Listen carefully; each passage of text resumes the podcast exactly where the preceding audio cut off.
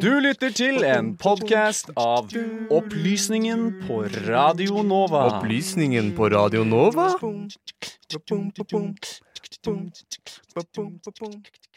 Nok en uke har passert ved nyhetsdesken i Opplysningen 99,3. Og i stolt tradisjon løser vi problemet med manglende tid ved å dekke fem saker fra uka som har gått, på tja, drøye fem minutter. Vi begynner ukens Fem på fem med en thriller som kunne rystet hele det irske parlamentariske systemet. Tirsdag ettermiddag fikk parlamentarikerne i det irske underhuset Dyle beskjed om å holde seg hjemme etter at landets helseminister Stephen Donnelly rapporterte om at han følte seg uvel etter en lang samling i underhuset. Frykten var selvfølgelig at Donnelly hadde fått koronavirus, og at flertallet av irske underhusrepresentanter var smittet. Hadde han fått viruset, hadde hele Dyle måttet stenge ned, og dermed ville irske politikere mistet muligheten til å forsøke å stoppe den stadig økende andre bølgen som nå herjer i landet. Heldigvis for Donnelly, Dyle og hele resten av Irland testet helseministeren negativt, og krisetilstanden er unngått denne gangen. Vi forholder oss til koronatematikken litt til, men vi forlater Irland og setter kursen for De forente arabiske emirater. For to uker siden snakket vi om kampen for en koronavaksine. Der var det tre vaksiner som var godkjent for delvis bruk. Men nå har to til entret røykene. Emiratene har nå godkjent to kinesiske vaksiner for bruk på helsepersonell. Den ene av de to er utviklet av Wuhan Institute of Biological Products sammen med det statlige legemiddelverket Sinopharm, og begynte i juni en tredje fase testperiode i Emiratene. Den andre er også utviklet av Sinopharm, men denne gangen sammen med Beijing Institute of Global Products. Da tredje fasetestene begynte i Emiratene, fikk 5000 Beijing-vaksinen, mens 5000 fikk Wuhan-vaksinen. Grunnen til at vaksinene ble godkjent for bruk, er at landet nå lider under de største smitteøkningene siden pandemiens start, og på søndag alene ble det påvist over 1000 tilfeller. Dette betyr altså at det er fem vaksiner som er godkjent for begrenset bruk. Fire av de fem er utviklet av Kina, som nå ligger an til en ledelse i utviklingen av en vaksine. Fra koronavaksiner til kamp mot historien, vi skal til Spania. Landet har på mange sett erklært krig mot den tidligere fascistiske diktatoren Franco, eller kanskje heller minne om ham, ettersom mannen har vært død i 35 år. Franco ble i fjor flyttet til en anonym gravplass fra hans opprinnelige gravsted i mausoleet Valle de los Caidos, De falnes dal.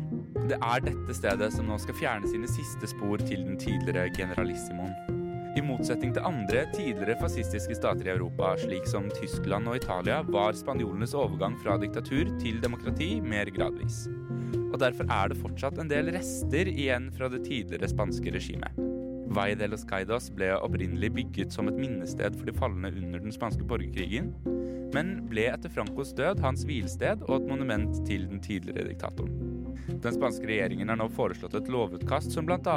atter vil gjøre De falnes dal om til et minnested for de 30 000 som døde på begge sider under den spanske borgerkrigen. I tillegg til dette vil lovforslaget forby statsstøttede organisasjoner å glorifisere Franco. Kampen mot fortiden er godt i gang. Det er ikke bare i Spania forbud er i vinden. Fra det øyeblikket Donald Trump entret Det hvite hus, har han kjempet en kamp mot kineserne på ulike arenaer. Både gjennom utvisning av kinesiske diplomater, men også gjennom den langvarige handelskrigen mellom landene. Nå er en ny slagmark tatt i bruk, nemlig sosiale medier. Trump har lenge ønsket å forby appen TikTok, grunnet frykt for kinesisk spionasje, og har krevd at data om amerikanske brukere av appen skal lagres i nettopp USA. Han ga først ByteDance, som er selskapet bak TikTok, frem til 20.9 med å selge selskapets amerikanske aktivitet til et amerikansk selskap, før han satte ny frist tirsdag 15.9. ByteDance inngikk etter å ha avslått en avtale med Microsoft, en avtale med selskapet Oracle. Avtalen baserer seg på å skape et eget underselskap med ansvar for den amerikanske aktiviteten. Men om Trump er fornøyd med avtalen, vet vi i skrivende stund ikke. Det er ikke bare TikTok som skaper problemer for mannen i Det hvite hus. Internasjonal oppfatning av USA er nå på det laveste punktet de siste to tiårene. Undersøkelsen som har spurt innbyggere i 13 forskjellige land, viser at kun 35% av innbyggerne i disse landene har en positiv oppfatning av amerikanerne, og presidenten har bare 13% støtte i disse landene. Det eneste landet der mer enn halvparten av innbyggerne hadde et positivt inntrykk av USA, var Sør-Korea.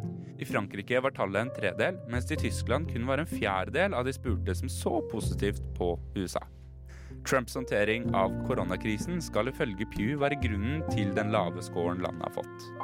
Så får vi se om hvorvidt Trump tar med seg disse resultatene inn i den amerikanske valgkampen.